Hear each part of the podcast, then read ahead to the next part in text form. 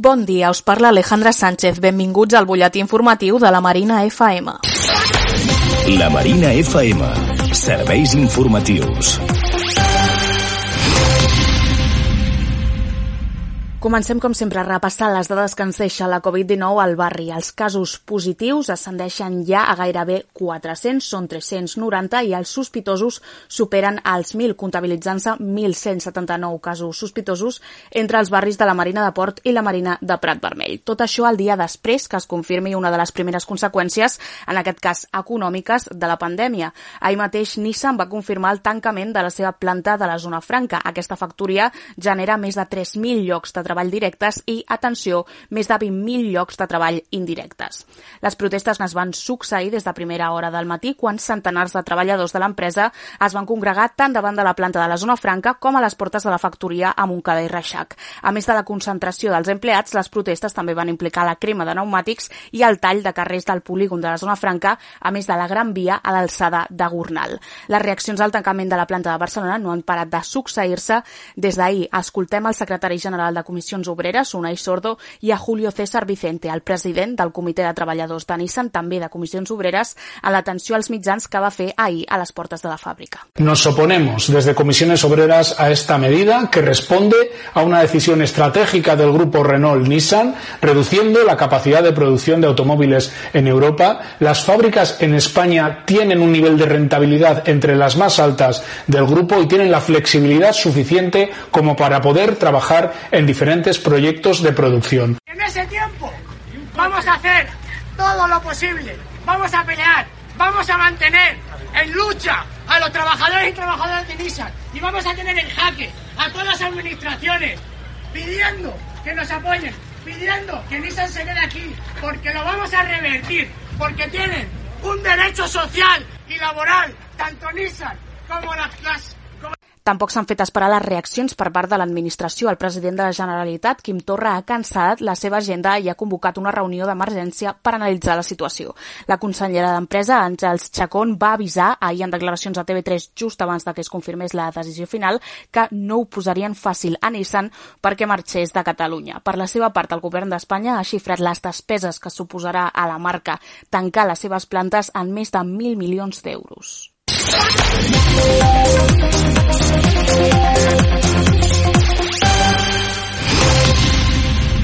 continuem avançant en aquesta desescalada perquè l'àrea metropolitana de Barcelona s'unificarà en una sola regió sanitària a partir de dilluns vinent, 1 de juny, però seguirà a la fase 1 d'aquesta desescalada. Fins ara Barcelona havia estat l'única ciutat a la que no es podia entrar ni sortir des de la resta de ciutats que l'envolten. No obstant això, la Generalitat, l'Ajuntament de Barcelona i els municipis de l'àrea metropolitana van demanar al Ministeri de Sanitat unificar tota l'àrea metropolitana, una zona a la que viu més del 70% de la població catalana. Així ho anunciava el ministre de Sanitat, Salvador Illa. La Comunidad Autónoma de Cataluña ha solicitado considerar como una única unidad territorial las zonas sanitarias de Barcelona Ciutat, eh, Barcelona Ciutat, Metropolitana Nord y Metropolitana Sur, excepto al Paredes Garraf, es decir, permitir que esto sea una única unidad territorial y, por tanto, la movilidad pueda ser eh, pueda producirse en el interior de toda esta región, eh, si me permiten, simplificando, región eh, metropolitana. Y hemos accedido como no puede ser de otra manera esta petición y por tanto también esto quedará recogido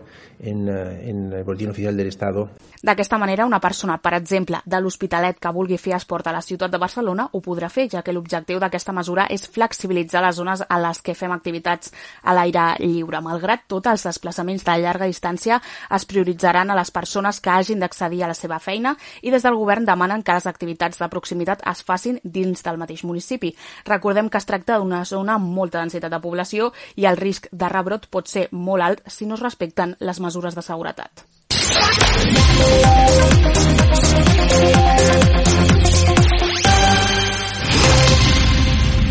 Parlem ara de mobilitat perquè aquest cap de setmana TMB augmenta la freqüència i disponibilitat de la xarxa de transport públic. Dilluns és festa i, per tant, al ser un cap de setmana llarg s'espera un augment de mobilitat a l'àrea de Barcelona.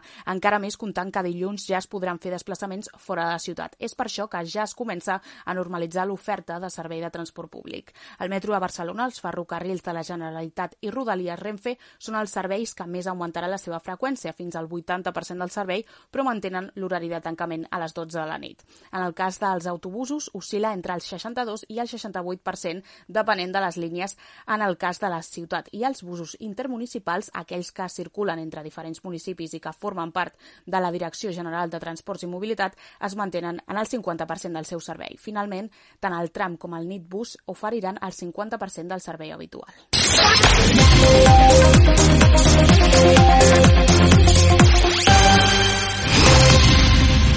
I abans de passar als esports, parlem d'una d'aquelles històries humanes i curioses que ens agrada destacar sempre que podem. Avui us presentem el José Aznar, veí del Paral·lel, de ben a prop d'aquí de la Marina, que té 70 anys.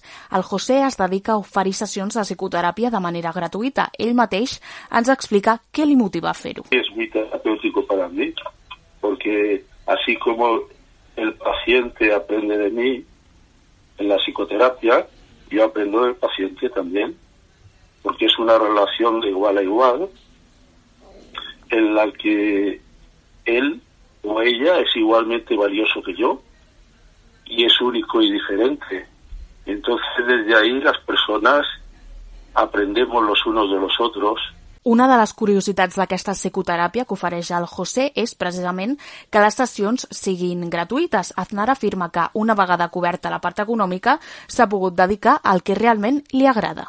Tengo un negocio que me lo lleva el gestor y entonces yo puedo dedicarme todo el día a hacer esto que me hace feliz.